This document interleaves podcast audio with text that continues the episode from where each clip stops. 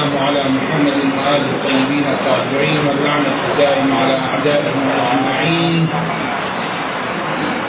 السلام عليكم جميعا ورحمة الله وبركاته.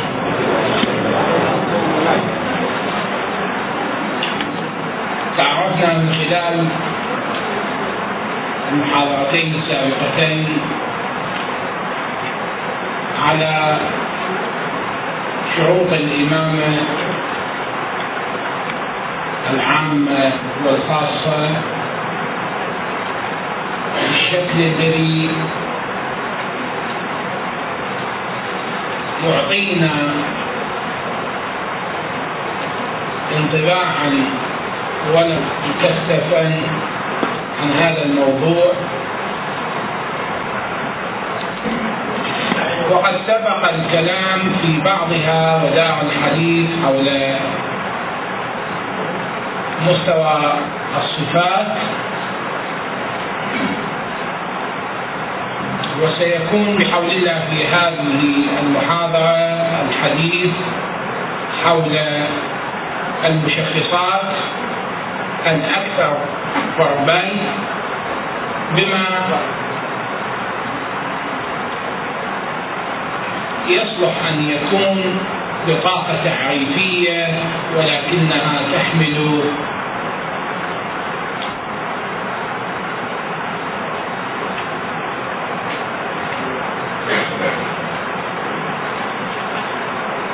أكثر معالم تتواصل هذه المعالم مع مختلف المستويات الاجتماعية. ولذا هذه البطاقة التعريفية نحاول أن نعرفها بالأرقام. وسنرى إن شاء الله كم هذه تكون نافعة في موضوعنا. في أول ما يواجهنا من إشكاليات أن هذا الإمام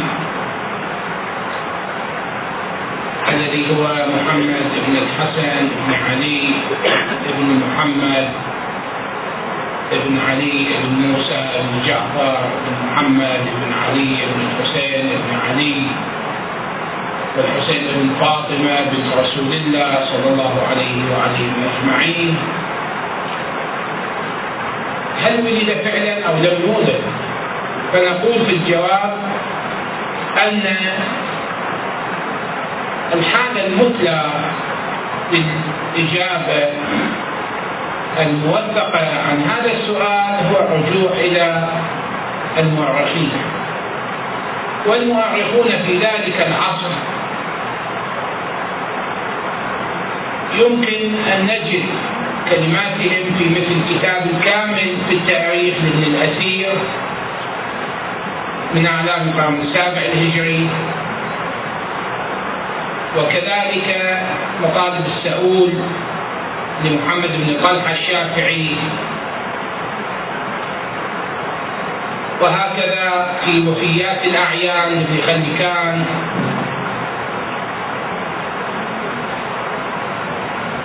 وأيضا في الفصول المهمة لابن صباغ المالكي. هذا في مرحلة متأخرة. يعني أولئك كانوا في القرن السابع. هذا وفاته 855 فهو من أعلام القرن التاسع. وكتاب الأئمة الاثني عشر لابن طولون من أعلام القرن العاشر. هذه باقة من الأسماء التي تمثل أن مجموعة من المؤرخين المسلمين بشرط أن هؤلاء ليسوا من المنتمين فكريا وعقائديا للإمام عجل الله فرجه الشريف وإنما هم بمقدار ما رووه من حوادث يمثل لنا ذلك السجل الإحصائي للولادات للوفيات للأحداث للذكريات. هو ترتيب مثلا الكتاب الكامل في التأريخ ابن التكفير وأمثال ذلك. فعندما نجد أنهم إذا وصلوا إلى تأريخ الخامس عشر من شهر شعبان عام 255 هجرية. يؤرخ المهتم منهم بهذه الطريقة ويثبت أنه في هذا اليوم قد ولد ولد للحسن العسكري. أو مثلا ابن خليكان في وفيات الأعيان. يؤرخ لمن توفى من الأعلام من الأعيان من المعروفين. فأيضا يثبت أن هذا الإمام وهذه الشخصية الإسلامية الفذة الكبرى قد توفي عام 256 عفوا 260 وكان له ولد. فلاحظنا أنه المصادر اللي راجعناها بعضها معني بأن يذكر ولاده الامام صريحا بما هو حدث من الأحداث التي تجري ويستحق التسجيل. لأنه كتب التأريخ هاي ذكرناها أشبه ما يكون بالجريدة أو المجلة التي تعنى بأحداث الأسبوع أو الشهر وأحيانا أحداث اليوم وهكذا في بعضها أشبه ما يكون بسجل الأحوال المدنية الشخصية بحيث أنه يثبتون ما يحدث. وبعضها يشتمل على هذه وعلى غيرها من المعلومات حتى نكون دقيقين في التعريف بهذه المصادر. لذا نجد النوع الثاني يعرف 260 اللي هي سنة وفاة الإمام الحسن العسكري صلوات الله وسلامه عليه. فضمنا يذكر هذا الموضوع الذي يهمنا. هذا بعد لابد ما يخفى عليكم وهو أنه القضية محكمة اذا ومؤكدة مو انه الموضوع موضوع نقش جماعة معينة اتفقوا على تثبيت هذه المعلومات وإنما واقع لأنه هؤلاء الذي هم منتمين إلى أفكار متعددة يثبتوها كحقيقة وكذلك ما كان الموضوع منسق بتنسيق خاص بحيث أنه فقط اللي يتحدث عن ولادة يذكرها، لا حتى الذي يعرف بوفاته أيضا يذكر. وكل واحد باختصاصه، كل واحد بمجاله. هذا يعطينا انطباع متكامل عن أن الموضوع اكيدا حاصل. هذه الطريقة اللي اتبعناها لحد الآن هي طريقة عقلائية ليوم الناس هذا هي متبعة لذلك تلاحظون إخواني وأخواتي أنه الإنسان الآن يحمل في جيبه عادة هوية. هذه الهوية تعرف به من جانب ومن جانب ثاني من المعلومات المهمة. فيها تاريخ الولادة فهذا نظام عالمي هو متحضر فعلا من خلال اتفاقات ذكية حديثة جديدة إلكترونية أمثال ذلك كثير من القضايا التي الآن نسمع عن بعضها ورأينا البعض الآخر منها. ولكنها على كل هي متأصلة في الوضع البشري لذا إذا نلاحظ الحالة السابقة أن كانوا يؤرخون لمثل هذه الأحداث من خلال اقترانها بأمور كونية معينة. فبالتالي أنه هذه الطريقة مو إحنا ابتدعناها النقطة أريد أبينها وتصير واضحة إن شاء الله عندكم. أنه طريقة إثباتنا لموضوعات مو طريقة عاطفية صرفة مو طريقة على أساس أنه الموضوع إحنا حبينا أنه نرتب شيء. ترى الإمام عليه السلام لا يزيده من اعتقد به شيئا ولا ينقصه من أنكره شيئا. وإنما إحنا نمثل الموضوع بأن هناك سلسلة مترابطة متكاملة. الله سبحانه وتعالى يشرف عليها ويرعاها ولا بد أن تكون بالحلقات المترابطة بداية بالنبي الأعظم صلى الله عليه وآله الذي بوجوده وبإشراقته كان نور الإسلام قد سطع والحلقة الأخرى التي تنتهي لتكون البداية النبي الأعظم ويكون تتويج ذلك من خلال أن آخر حالة حكمية وتنظيمية تشريعية وتنفيذية هو الإمام المنتظر عجل الله فرجه الشريف فالمسألة ترتبط بإبقاء المشروع الإلهي وتنظيم حياة الفرد وعلاقة الفرد وبيان طبيعة هذه العلاقة ونمط هذا هذه العلاقة. فلحد الآن إذا استوعبناها هذه الطريقة نجد أننا قد كنا على الطريق الواضح وليس بدفع العاطفة. طبعا الذي يريد أن يستفسر في هذا الموضوع عندنا 66 مصدر يذكر ولادة الإمام. هذه النماذج الآن ذكرناها هي نماذج واضحة ومتداولة وممكن لا هي كتب مخطوطة ولا هي موجودة في ثنايا المكتبات وزواياها وإنما هي موجودة حتى على مستوى الأقراص موجودة لكنه للأسف عندنا مشكلة علينا أن نكون شجعان ونصارح أنفسنا بها وهي أننا أهملنا القراءة أهملنا الثقافة. لذلك تصل المسألة إلى درجة مؤسفة. من خلال ما أسمع أحيانا أن طالبا استمع إلى معلومة عرف معلومة أمثال ذلك. ويريد أن يشاكس بها أولا يخالف قواعد الأدب واللياقة في علاقة الطالب مع أستاذه ويرفع صوته بالصف ويصير بناء يصحح للأستاذ. خلينا نصير شجعان في هالنقطة هذه. لماذا بلغ الأمر إلى هذا؟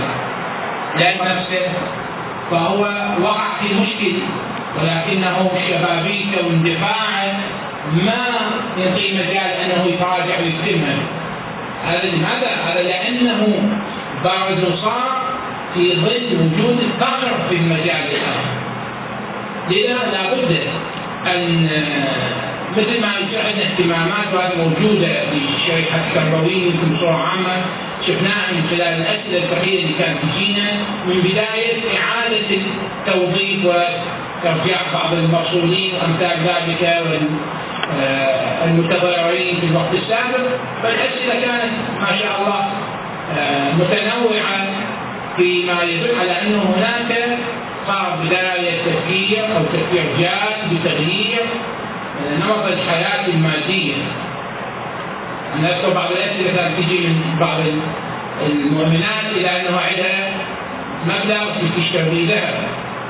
وأمثال ذلك إذا بدأنا نطور أنفسنا ماديا. ليش ما نبدأ نطور أنفسنا فكريا وثقافيا ليش ما يكون لا أقل بالشهر مرة؟ ما أقول بالجمعة مرة بالأسبوع مرة. قد نعم مشاغلكم أموركم خصوصا النساء إذا ذوات البيوت عند المسؤوليات لكنه بالشهر مرة.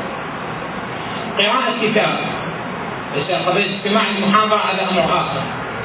ثم أكو عندكم شيء إمكانية. أنه بدون تتصلون تستلون وأكو من هو مستعد يتفاعل وياكم ويجاوبكم أما ترك ذلك راح يولد عندنا تقصير حق الإمام سلام الله عليه وقصور في الواقع. يعني إحنا بنخلي خط بياني ما نشوف الحالة في هذا المجال مع أنه من أول من تقع عليه العين في آه، مراحل بناء المجتمع أو مستويات بناء المجتمع. هم التربويون يصدق بأنه هو في الحاله ثانوية جانبية ومو مهم. مجرد أنه كتب المادة السبورة وانتهت المسألة. مع أنه حالة المعلم اللي يعبر عنها أحيانا بالمؤدب أدبني ربي فأحسن تأديبي إذا هذه الصفة من الصفات التي المعصوم صلى الله وسلم عليه يتصف بها وهكذا يقول إلى أن أنا معلم الأول هو الله عز وجل. المهم يحتاجون إلى أن شوية نهتم بهذا الموضوع حتى لا تصير المسألة بإطار آخر ما يخدمنا والأحداث تتصاعد وتتفاجأ. الإنسان ربما أمس من درسه كان أجواء معينة اليوم ندرس أجواء أخرى. فمن سئلة الطالب مو مناسب تقول له أنه ما أعرف. هو زين يعني حتى لا تستعجل بالجواب لكنه قد يكون أفضل؟ لو كنت تعرف والآن هذه الإمكانيات التي مهيئة. مثلا آه، أكو كتب توزع عليكم المفروض أن تقرأ هذا. مو أنه مجرد شيء يقرا شيء اللي تشوفه مناسب اعطيه عائلتك. اعطيه لمتعلقيك لصديقك خلي يصير تبادل بهذا المجال بمستوى الاستعارة؟ امس بعض الإخوة كان يطلب المحاضرات يعني اللي حاضرتها خلال يومين سابقا ان تكون مكتوبة أنا باعتبار الانشغالات وضيق الوقت. أعوضكم آه، بإهداء نسخة من هذا الكتاب الذي هو صادر قبل عشر سنوات من صفحة 75 فصاعدا تجدون فيه الخطوط العامة لهذه المحاضرات. يمكن إذا طلعتوا عليها إن شاء الله تقروها تستفيدون راح يصير عندكم مجال للإبداع.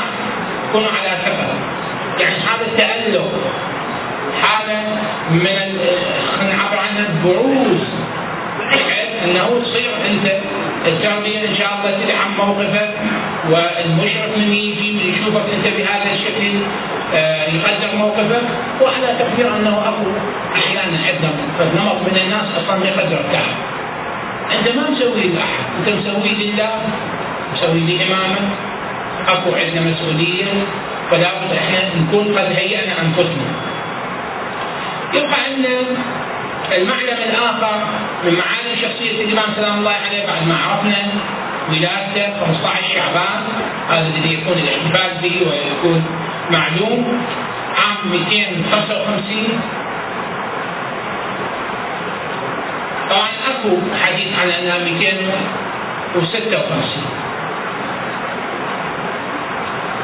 ما يدخل المعنى الثاني ما يدخل بخانة الاسم لكن اسم محمد كما بينا صلوات الله وسلامه عليه كما نص النبي صلى الله عليه وآله على ذلك الآن إحنا نحاول نبين من خلال الألقاب والصفات التي أطلقت عليه.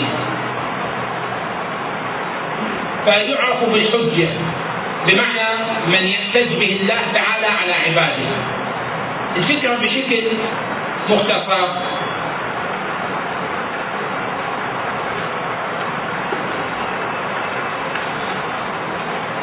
انه عندما تدعى كل أمة بكتابها بإمامها بشاهدها بشهيدها تقف الأمم أشبه ما يكون بالنظام العسكري نظام القطاعات. عندما يكون استعراض أو في التعداد الصباحي تكون مجاميع بحيث يقف أمام كل مجموعه المعرف بها عنوان ضابط واذا عبر عن ضابط الصف مع أنه ما أو نعرف عرف ضابط الصف. الاخير اكو واحد مسؤول. هكذا. منذ أن خلق الله تعالى البشر يأتي النبي آه، آدم على نبينا وآله عليه السلام. ثم هكذا من بعده إلى أن تأتي إلى هذه الأمة المرحومة النوبة. فيكون نبينا صلى الله عليه وآله وعلي سلام الله عليه.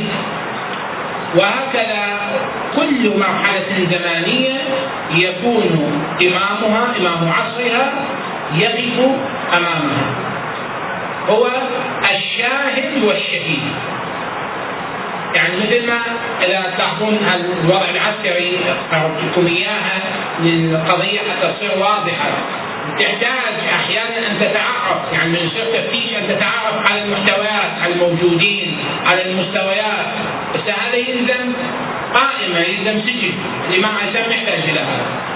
إحنا هذه المرحلة الزمنية المطالب بالاعتراف بإمامة إمامنا عجل الله فرجه الشريف الجميع يصف بغض النظر عن الأمور المميزة المفرقة فالإمام عليه السلام عندما يقف ويحاسب الله تعالى العباد فأي واحد عنده حسنات يأخذ ثوابه وأجره لكن عنده تقصيرات يأتيه السؤال بكل وضوح وبلا آه، إرعاب. أنه أنت كنت تعلم لو ما تعلم ليش هذا التقصير صار؟ واجب ما مسوي؟ حرام مسوي ما يفرق الحال. أي شيء من هذا. إيش هذا الشيء صار؟ إذا يقول ما ندري. يقولون ما حد علمك ما حد قال لك لا يجي دور الأب والأم. دور المعلم والمعلمة دور الموجه. دور إمام الجامع. دور كبير المنطقة. كبير الأسرة. كبير العشيرة. ما قدروا لك؟ ما نبهوك. أكمل فليش ما طبقت. يجي أحيانا واحد يتحدق بالجواب. قال ما حد نبه ما حد سواء ما موجودين والموجود هو حالة نفسه. يقول لا. أنا قلت لك الإمام سلام الله عليه يحتج الله عز وجل به. يقول أنت ما كنت تعرف أن هذا إمامك؟ يقول ما أدري أنا قاعد في منطقة نائية. يقول ما يخالف لكنه أكو عندك حاجات تفرض هي التواصل مع إمامك. هاي اللي تبرز قد حالة من العلاقة بحيث أنه أحيانا أنت آه، تعتبر أنه فالشخص أنقذك من ورطة في حالات كنت في صحراء مثلا في مكان منقطع وإذا في فارس اجى غير وضعك إلى شكل آخر. المرأة عندها حالة عسر معين أنقذها. حالات كثيرة بحيث يشعر في داخله أنه أبو شخص يلتجئ إليه. هذا موجود. مرة يعرف الإمام مرة ما يعرفه لكن بحث ثاني لكن هو أصلا موجود. والدليل على هذا اللي أقوله يعني على موضوعيته. أن هذا الموضوع تسمعوه أحيانا حتى من غير الشيعة. والمثبت بالأرقام في الأشياء عجيبة. ولكنه للأسف البعض ربما يغلف عن هذا الموضوع أصلا ولا يهمه. والبعض الآخر ينتبه له ويكون مفتاح لنجاته واستبصاره. الشاهد أن الإمام سلام الله عليه يبين أنه هذا الحكم قد بينه أو أن هذا الإنسان كان معذورا ونحو ذلك فهو شاهد له أو عليه. إحنا مقتضى الحالة الصحيحة أن نجعل الإمام عليه السلام شاهد شاهد على أعمالنا أنك فعلت حسن ولذلك تعرف أنه في قضايا الشعائر الدينية بشكل عام إنسان يحرص على التواصل معها والتواجد في تلك الأمكنة لأن الإمام سلام الله عليه سواء المقتول أو الحي بالأخير يشهدون. لذلك لابد أن ننتبه عندما ندخل إلى مكان زيارة لمعصوم سلام الله عليه ننتبه إلى نقطة أن الإمام عليه السلام يستعرض زائريه. يستعرض زائريه مثل ما أنا الآن جاي أباوع بهالشكل هذا بحيث أشوف هذا منه ذاك منه وهكذا. أنا ممكن فد واحد مجند ما شفته واحد نايم واحد غافل واحد قايم واحد عنده شغل ممكن عليه يخفى ولكنه الإمام عليه السلام من تدخل ما يخفى عليه بإذن الله عز وجل. ولذا الانسان لابد أن يكون في اقصى حالات الانضباط. عندما يدخل إلى المشاهد المشرفة للمعصومين سلام الله عليهم بالذات رعاية هذه القدسية وهذه الحرمة فإذا هو حجة الله على العباد. يعني حتى ما أجي أنا أقول يا رب ما أدري. ما حد بلغني. لي لا هذا بلغني. تيجي إشكالية بسيطة لأنه إحنا الآن مو في عصره مو في عصر وجوده. نقول إلى نواب بالحق. النائب العام الذي كتب لك الرسالة العملية أو أنت من خلال تفحصك والدقة الموضوعية إلى أن انتهت أن هذا هو الذي تأخذ من عند الأحكام مو قضية عاطفة مو قضية انجراف وتاثيرات معينة عندئذ هذا كلام اللي ذكر في هذه الرسالة العملية هو مستفاد من كلام الإمام عليه السلام، السائل درجة المطابقة أو عدم المطابقة هذا بعد مو يهمك هذا بينه وبين الإمام عليه السلام. فهو حجه. اللقب الآخر القائم. القائم بمعنى المتكفل باحقاق الحق وإبطال الباطل. فلذلك قد تجد قائم لله بأمره إيش تعبير هذا بمعنى ما يصلح للانطباق على الأئمة عليهم السلام بل على النبي صلى الله عليه وآله وسلم. في أوج تطبيقاتنا لهذا أو في في ظهور هذا المصداق بشكل علني هو عندما يظهر عجل الله فرجه الشرعي. لذلك موجود أنه يقوم بالأمر أن ينهض به. شو وقت يقوم. أمثال ذلك بالتعبيرات بمعنى أنه متى يحق الحق ويزيق الباطل. اللقب الثالث المعروف المهدي. حيث يسدده الله تعالى ويهديه إلى الحق وإلى الرشاد. اللقب الرابع المنتظر. هذا بلحاظ الشيعة أو لحاظ المسلمون جمعاء بل الإنسانية الإنسانية جمعاء تتطلع إلى وجود شخص وينتظرون هذا الشخص ليؤدي لهم مهمة واحدة وهي إصلاح وخلاص وإنقاذ لأنهم تورطوا بمخالب الشر وقوى الشعر الدنيوية على مختلف مجالاتها سياسية من خلال تسلط الحكومات أو معاصي بعض الأشخاص يشعر أنه وصل إلى حالة بعد ما جاي يقدر يتخلص من الأمر اللي هو فيه. فيحاول إلى أنه يطهر نفسه بأسلوب آخر فينتظر هذا الذي يطهره من هذا الأمر.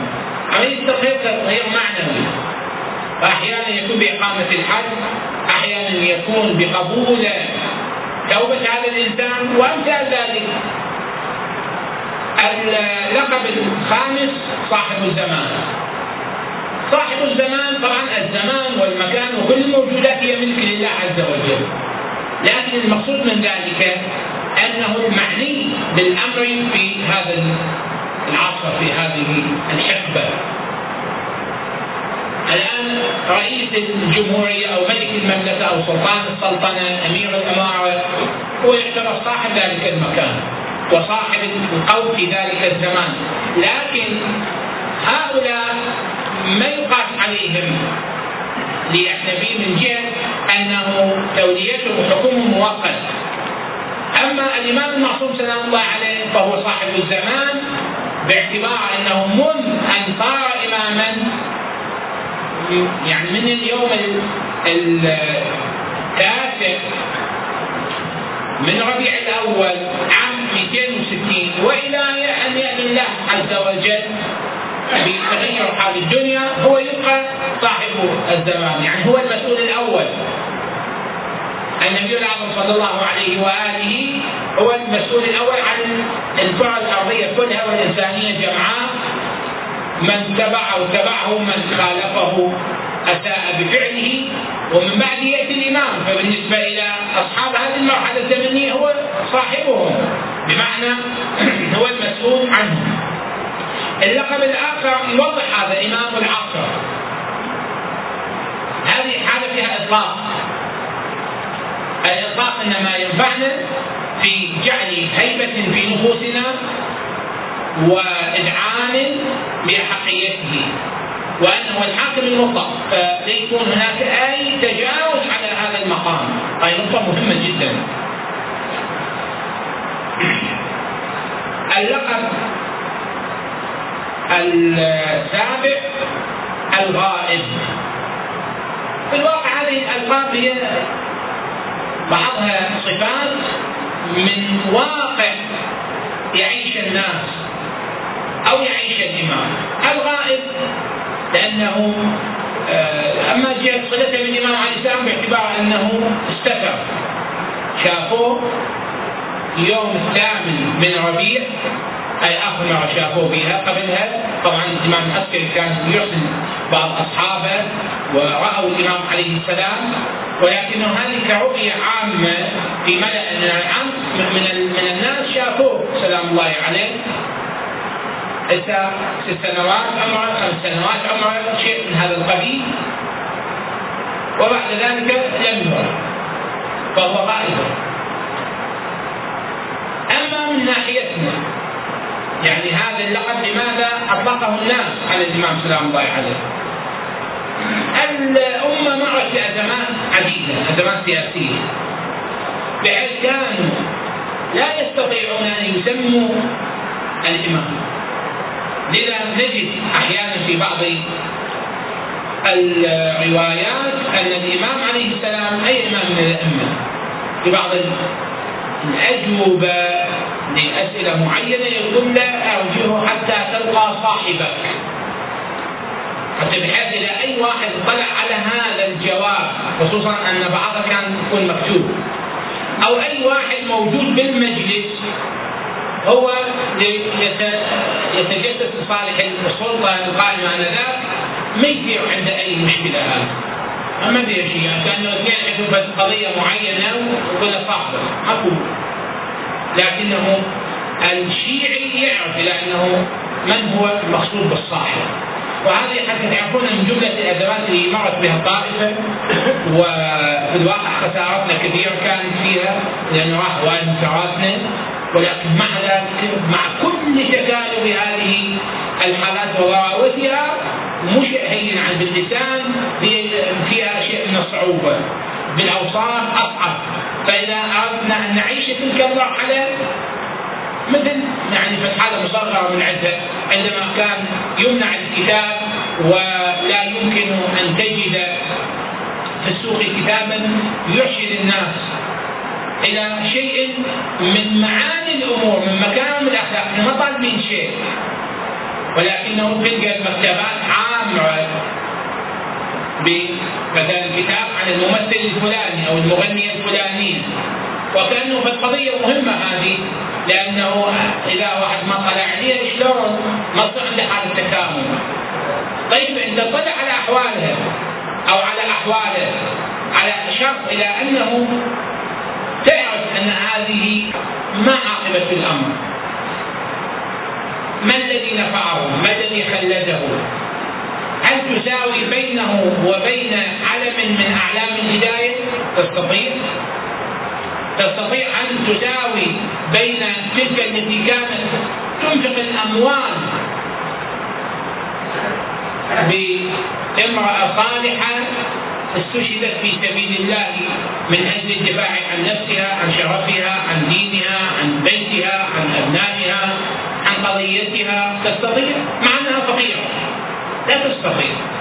لأنه كل عاقل من يسمع أن فلانه أنفقت وكان كذا وانتحروا هالقد وفاتها والفقراء كانوا يبكون وهكذا قرأ القرآن رأسا أدنى حالات الثقافة عنده يجي باله هذا البيت المعروف. لك الويل لا تزني ولا تتصدقي طبعا هذا شطر بيت البيت الشطر السابق لا أحب أن أقرأه لكنه يمكن معرفته من خلال هذا. أنه إنسانة لا تملك شيئا وإنما حصلت على المال. نتيجة فعل سيء يحفظه الإنسان بطبعه. هذا أول ما يتبادر. بعد ما يبال انه إيش هذه وكلت وشبعت ناس فقراء محتاجين وذولا قد استلفتهم وقد الله سبحانه وتعالى يثيبها بمقدار من المقادير ما ندري. ولذلك تشوف اكو السمعه أو حضره الاخ مهتم إلى حتى رجل بحيث يشتري هذا الكتاب يشتري طالعه والأفضل بعد من من حاله ذاك أبو المكتبه اللي يجيبه وطبعا هذا في بلد إسلامي تبع المدخل بالعمر من أجل نشر هاللون من التحلل. هاللون من عدم الشعور بالمسؤولية بينما الان إحنا في هذه الدورات والندوات والمؤتمرات شنو الغاية؟ المحصلة شنو؟ محصلة لأنه أكو عندنا هدف أن الشاب عندما ينشأ نريد يبني وطنه مو المسألة تبقى ضياع مو على أنه على مجتهدته على ما بكيفه الجهود متضافرة النساء رجال كبار شباب الله يحفظهم كلهم اهتموا تركوا أوقات راحتهم الخاصه من أجل هذا بالاخير اكو هدف أما ذاك شنو الهدف؟ لذا نحتاج أنه نأخذ العبرة. أن الطائفة مرت بأوقات حصيله بحيث كانت غير قادرة على أن تطاع باسم الإمام عليه السلام. لكن لاحظ هذه النقطة اللي أنا كنت أهدف إلى إيصالها لكم أنه مع كل هذه الضغوطات ما اضمحلت الطائفة. ما تلاشى فهذا لابد أن تعرف إلى أنه ما هو السبب لتتمسك به. هذه النقطة المهمة أن الإنسان إذا كان مع الله كان الله معه. بمقدار صلته بالله عز وجل الله سبحانه وتعالى يأيده ويسدده. فبالتالي هذا شاء هذه من الشواهد الموثقة خارجيا على أن الإنسان لا ينساه الله لا يهمله الله لكن يحتاج إلى صمود على العقيدة والمبدأ. اللقب الأخير الذي ذكرته هنا المصلح. وهذا يعطي انطباعا أو بعدا عن تدهور الحالة الانسانيه بحيث تكون تجربة الإنسان تجربة فاشلة لأنه يشوف حالات من الفوضى ولا تنظيم بحيث غصب واغتصاب ظلم واحترام عدم توزيع الاستحقاقات بشكل عادل تجديد للطاقات للثروات فيتطلع في قلبه وفي نفسه وفي داخله وفي كل ما لديه من كيان إلى ذلك الذي يصلح ما فسد من أمر الناس.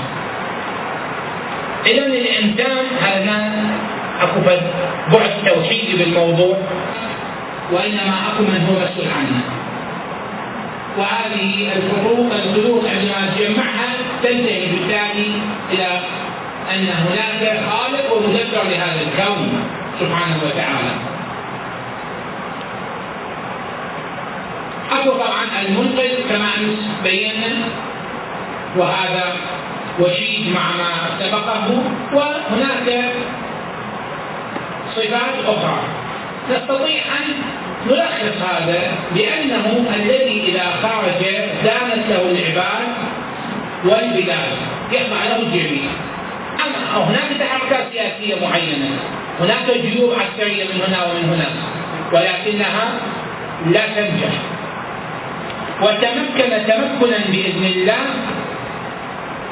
تعالى من نشر دعوته الإسلامية والسيطرة التامة والنفوذ الذي لا يشوفه شيء. يعني خالص تماما. أحيانا قد تشوف أنه في الدولة في المملكة في الجمهورية أي شيء من هذا القبيل والاسماء الحديثة تحصل فيها مثل هذه الحالة ولكنه أكو معارضة. عنده مشكلة بالشمال مشكلة بالجنوب مشكلة بالصحراء المادوية مشكلة أكو قضية موجودة. قد تقع 20 سنة 30 سنة بل قصة طويلة. ولكنه هذا الإمام العظيم الله سبحانه وتعالى يسدده لذا قلت كل ذلك بتأييد الله تعالى وتسديده. لأنه خاتم الأوصياء لأنه خاتم الأوصياء الذي تتاح له الفرصة الكاملة لإحكام السيطرة الإسلامية وتطبيق الأحكام الشرعية. هذه الفقرة الثانية من فقرات بطاقة التعريف تعطينا عدة معطيات، المعطى الأول التعرف عليه. هذا هو أي واحد يجي يقول هذه لأننا عندما نواجه في هذه الدعوة الكبيرة نطالب ببرهان، نطالب بدليل، الدليل لابد أن يكون بشكل معجز. الشكل الذي لا يمكن لاحد أن يصنعه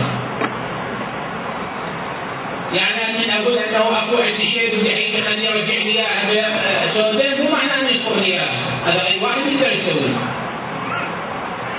من هذا شعر أسود يحول اياه إلى أبيض مو معناه إنه يشكر لي وأمثال ذلك. لا هناك ما وراء الطب ما وراء الطبيعة ما وراء الإمكانيات البشرية المتاحة. فاذا حصلت هذه الصفات واجتمعت هذه المشخصات عند ذلك يستطيع الإنسان أن يضمن أن هذا هو. وهذا ما يستدعي أن تكون هناك علامات كونية مقدمة للدلالة على أنه هو هو وليس من عداه فهذه الصفات على تعددها يتبين معها زيف ادعاء المدعين فإنه لم ينقل عن أحد منهم وهي نقطة مهمة مع الاستنتاج. لم ينقل عن أحد منهم بعض هذه الصفات أو القابليات المتميزة. إطلاقا ما ممكن. برحمن بل ممكن. لكنه سئل عن مثل ما يعرف يجاوب يجاوب لكن الجواب ما أنت يختلف الحاكم بالنابل فهو مو كل ما بالكافي أنت تجاوب به مو كل ما بالبحار انت تجاوب به اكو عام واكو خاص اكو مقيد اكو متشابه اكو محكم فكنت تفهم فهو صح يجاوب وصادر لك إذا كل كل يفهم ولكنه هل هذا معناه أنه هو جواب صحيح؟ نجد هذا الأمر منحصر بالمعصوم صلوات الله وسلامه عليه.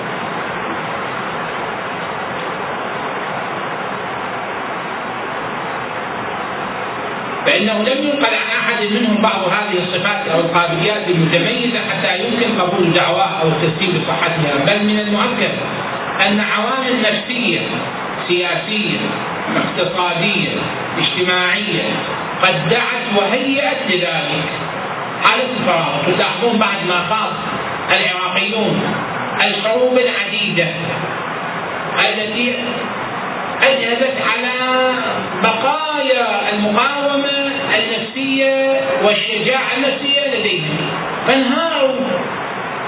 بعد ما انهار بعد تلك التجارب اللي هي مريرة من جانب وفاشلة من بعض الزوايا وكثير من التجاذبات السيئة عندئذ تجد هنا وإلى شمال. تجاوزات على مختلف الأصعدة وهذا أمر شاق جدا. أنا أحب أنه أدخل بالتفاصيل في محور واحد. باعتبار أنه المحاضرة شاملة للرجال والنساء. خليه يكتبون هذا تأثر أو انفقد أو غاب أو أي شيء عنده. الأثناء يجي يرجع إلى الزوجة قد تزوج شلون على أي أساس؟ لأنه صار مدة ما موجود. وسألت عنه ما وراحت إلى واحد طلقها وجه الأمر بهالبساطة يعني. يجون يجون للإمام عليه السلام يقولوا له يقول لهم ابتليت فلتصبر التفتوا إلى العمق الإنساني البعد الإنساني في هذا الجواب. يعني أنت أيها الإنسان مو قد صاير أدنى شيء إذا أخذه من أنت في الحال تبكي يعني هذا الأمر إذا ما توفر السبب طبعا اكو ضرر اقتصادي مادي حماية من بعض الجهات مشكلة أخرى أكو إحنا كلنا إحنا نعرفه، لكن الإمام عليه السلام يقول له أنت أيها الإنسان عندك طاقات، طلع هذه الطاقات، اصبر، تحمل هذه الأزمة. زين هذا شاف وإذا أقرب الناس إلى خانة. هذا الجانب، الجانب الآخر مشكلة في المال. أبو توفى أو أي واحد وإذا ما حسبوا حسابه مع أن الحكم الشرعي أن هذا ينحسب وكأنه موجود ويبقى المال محافظ عليه. وإذا هذه المسألة ما اذا ما الأشياء الموجودة عنده اخذوها. وكثير من هذه الحالات التي تدل على انه هناك خيانة هناك حالة من انحسار القيم عند الإنسان. بالتالي هذا يأثر وتكون حالات الالتزام من الداخل. فيصير يجي واحد يقول له تعال انت تريد شنو؟ طبعا الحكي ممكن الانسان يتلاعب به كلمات ألفاظ صحيح ينزل يغير يقدم يأخر كل هذا ممكن. والعواقب هم تتموج بتموج هذه الكلمات. فلا اثناء أنت شنو غير ماكو أحد يهويك تفضل. وهكذا بعد الضياع يشوف اكو وجود. أنت هي إما أربع شات أنت احكي مردد مقتنع به ما مقتنع به ماكو مشكلة. وإذا تشوف أن بعض الافكار هدامه يصير على أتباع نتيجة هذه الحالات اللي المرأة ساعدت عليها والابو ساعد عليها والإنسان اللي طلق بلا مراعاة الشروط المعتبرة ساعد عليها من حيث يشعر أو ما يشعر بالتالي إحنا جاي ناخذ النتائج النتائج بما هي نتائج الحاكمه لذلك كل هذه الأمور تهيئ لنشوء هذه الدعاوى الفاسده والأفكار الهدامه لأنه إنسان عاطل عن العمل واذا يجي واحد يقول لك تفضل تعال لكي شنو؟ مجرد أنت ردد وياي هذه الأفكار. هو ما صار مجال ان يفكر. بينما الامام علي السلام يقول له أمرنا بين كالشمس. ما عندنا شيء مستحيل من عنده ولا ضامين ولا نريد أحد ما يفتهم به. الكل قد يفهم. يعيد دليل على الإمامة أهلا وسهلا. يعيد شيء غير احتيالي بحيث الإمام عليه السلام هو قاعد داخل وهذا يجي. اللي دخل على الإمام عليه السلام يقول هو آه، يعني عنده نفسه مو جاي بقصد إهانة المكان. يجد الإمام سلام الله عليه الامام بقصد إهانة المكان. إنما الجماعة شافوا وين؟ قالوا إحنا رايحين للإمام. قال أنا فرصه انه حتى أجي لأنه الامام عليه السلام أحيانا كان في وضع أمني بحيث مو سهل أن تدخل اليك في كل وقت. يحتاج إلى استئذان إلى موعد إلى وقت حتى توصل الخدمة. اتفاقا هذا كان مجمل فدخل الإمام سلام الله عليه قال له له تدخل بيوت الأنبياء وابناء الأنبياء انت مجرم تربية تعليم. يقول له أنت إنسان مثلي يهمني ان تبقى حالة الجنابة لها وقت معين بعد ذلك لا تتأخر فيها تغتسل صح أنت عندك هيك هدف لكنه أكو ما هو أهم ولذلك تجد الكثير الآن المجاملات الاجتماعية. فاتح العصر بالجامع بابه هو مذنب وما المرأة عندها ما عندها من موانع الصلاة دخلت الجامع لأنه الأربعين بالجامع تعلمون هذه الأمور كم لها من الآثار الوضعية؟ يعني مثل نظام الفعل وردة الفعل. شلون؟ النظام الطبيعي هذه الآثار الوضعية. الآثار الوضعية والانعكاسات السيئة على أوضاعنا الاجتماعية تعلمون كيف؟ يعني بالنا واقعا بالنا. حجم استجابة الدعاء عدم التوفيق عدم الهناء بالحياة أصلا. لأن كلها انتهاكات يعني أشبه ما يكون زجاجة عندك أو كلها تكسرات فيها وتخدشات فيها؟ لا هو يصير فيها أو لا هي تحية الباب ولا هي تحميل من الحق كل شيء ما كل شيء شفنا هذا الحال اللي يمر فيه الناس. عندنا ملمح آخر من هذه الملامح.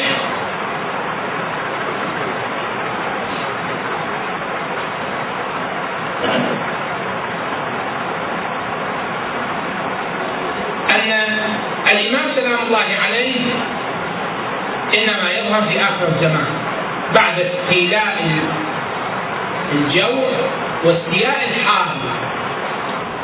سأل آخر الزمان فالشيء إلى البداية ما إلى النهاية. أيام بعض العواصف التي حصلت في بغداد قبل مئات السنين كان بعضهم يعتبره ذاك آخر الزمان. وكثير من الأمور في مختلف مشاق الأرض ومغاربها يعتبرها آخر الزمان. لكن في واقع الأمر أن الإمام سلام الله عليه إنما يتحدث موعده انطلاقه المبارك بالساحه الإلهية بالتوقيت الإلهي ليس بإرادة البشر. نعم يخرج بإرادته لأنه ما مجبور على فعله. لكنه ليس معنى ذلك أنه يعلم بذلك. وبالتالي الكلام الموجود اللي يتردد أحيانا يثار في منطقة ينخفض في موقع آخر أنه إحنا خلي نصنع الأشياء من أجل أن نعجل. لا أنت تكليفك الشرعي أن تنظم حياتك كإنسان وتعيش حياتك بشكل طبيعي وأنت ما زلت شخصية قانونية يعني مرتبط بتكليف ومكلف ومكلف به. فهي هذه بداية حديثنا إحنا نقول شلون نعرف نمط علاقتنا مع الله عز وجل؟ الله عز وجل ما رفع اليد عن التكليف لك أما أنك تفعل قبائح الأفعال أو تكذب الناس أو تقتل الناس أو ما إلى ذلك على أساس أنه اني وظيفتي هذا من قبيل واحد جاي يتسلق. مو وظيفتك ومو حجمك وعليك أن تعيد النظر في هذه الأمور كلها. لذا لابد من معرفة أنه إنما يظهر في آخر الزمان عندما تكتمل كل الاستحقاقات لذلك وأيضا في جانب آخر في هذا الملمح أنه الإمام الثاني عشر من أوصياء رسول الله صلى الله عليه وآله وسلم المنصوص عليهم. الحديث امس هذا نموذج طبعا قال لكم فأي واحد يجي يقول عن المهدي هو سهل الشهاده باللسان ولكنه انت شنو خلفيتك؟ موضوع أنه هذا الان خوش انت شو قصه أمك شنو كانت؟ شو قصه عائلته شنو كانت؟ شنو أبوه؟ شنو هو بالأول كان؟ ما له علاقة الآن هو خوش جاي يصلي يقول لا هذا معناه أن الكون كله يصير قراعيه بيده الله عز وجل ما يطوح بالدنيا كلها بيد واحد هو ما كان ضابط نفسه أو ما عنده سيطرة على عائلته لذا شيء بشيء يذكر اذكر لكم هذه النقطة كان بعض الشباب أم سنوات عشر سنوات أكثر معودينهم إحنا على إتعاف الكتب وقراءة الكتب بالشكل الخفيف البسيط الذي يقدر وما في مسؤولية لا عليه ولا مشكلة. ف أنا أهدف إلى أنه من أمر الرسالة العملية بشكل مبسط تفسير بشكل ميسر عقائد بشكل خفيف شيء سريع اللي هدف من عنده. فإذا الواحد هذا ممن يبدو متأثر ببعض الأفكار. قال لا أنا بعد أعلم من هذا. لأن كلنا قريتهم وعرفهم وخاتمهم جيد بارك الله فيك. لكن أنا أسألك سؤال. لأن أنت من حالتك خاتم قال لا. ليش موقوا أنفسكم واهليكم نارا وقودها الناس والحجاره ليش ما عندك هذا الشعور الإنساني؟ أنت اليوم تواجه عاصفة جدك تحمي نفسك وما لك علاقة بزوجتك بأهلك بأولادك ببناتك بأمك بأبوك بعشيرتك. ولا أقل. فالتليفون يا ابن اقعدوا داخل ترى انت في عاصفه اكو عندنا مشكلة عندنا أزمة أنا اخلص نفسي ما لي علاقه بغيره لذلك بشوف الجهل يسود. فعندئذ يقول لك يا أنا ماكو من يخش انمي وهذا عنده تاريخ مر تاريخ أسود. الله عز وجل ما يرسل هيك واحد. كيف يمكن؟ هذا انت طلعت على تاريخه. بينما الأمة حتى تخرج من وهلة الانزلاق وترتفع إلى قمة الرقي لابد أن الذي ينهض يمتلك من القوة ما لا يمتلكه آخرون. عندنا في ملمح آخر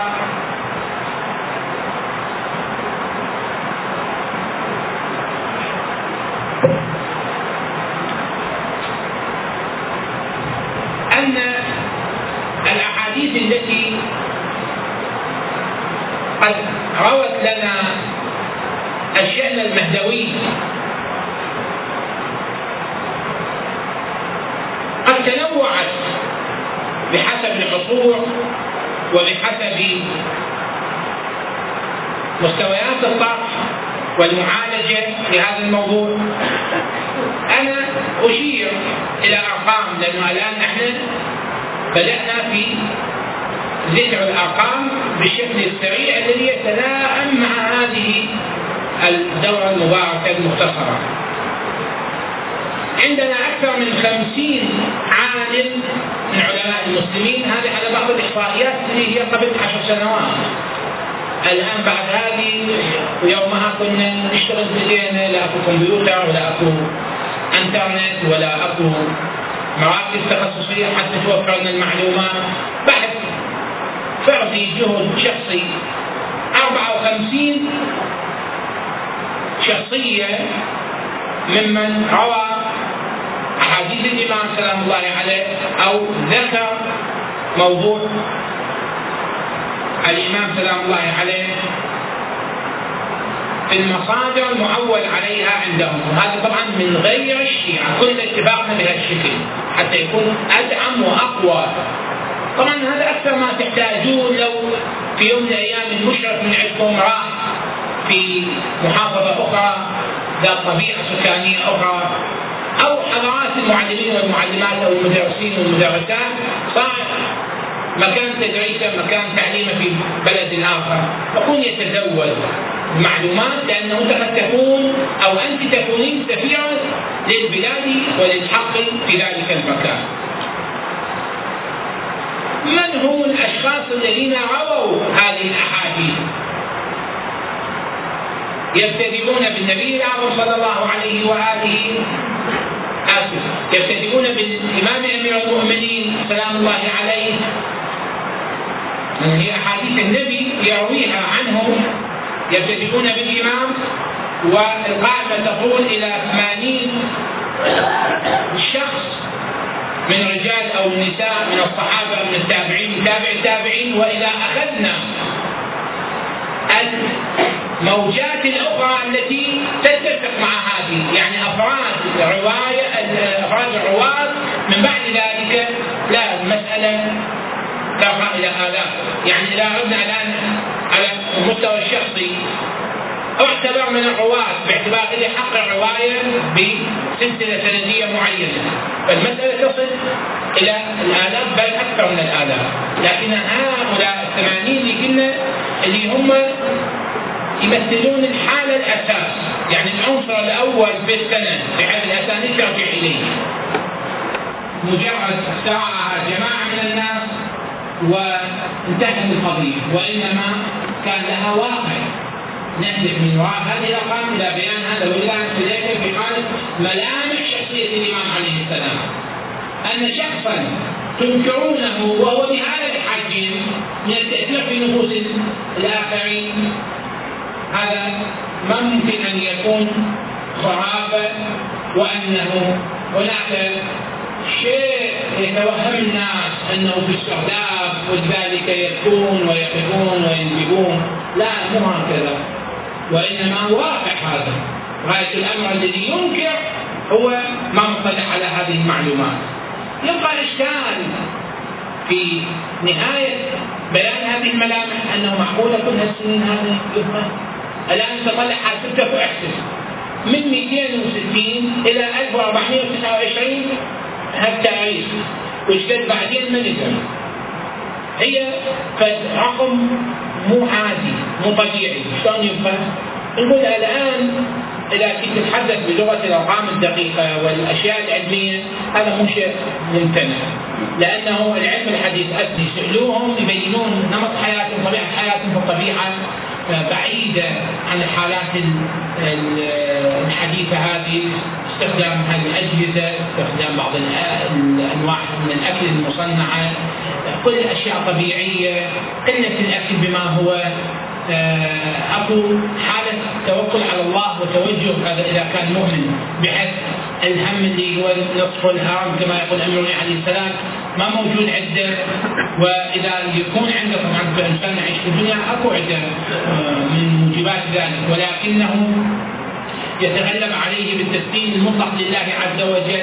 فهناك حالات عديدة تنفع في هذا المجال وهو مو شيء مستحيل مضافا إلى أنه عندنا قوائم بأسماء المعمرين وبالتالي ما كان الأمر مستحيلا. ويمكن الإنسان لو يتبع موسوعه غينس لأرقام قياسية هذه تصدر في بريطانيا وغيرها من الكتب التي تتحدث والمصادر الموثقة التي تتحدث عن وجود معمرين وشخصيات بحيث ما كان الأمر مستبعدا. طبعا إحنا فيما نعتقد هو الوحيد بكل هذه الامتيازات بكل هذه أن نكون قد وفينا في هذه الدورة في هذه المحاضرات. ما يمكن أن يجعل لكم وسيلة قراءة تطلعوا من خلالها على معالم هذا الوجود المبارك للإمام المنتظر عجل الله فرجه الشريف والحمد لله رب العالمين.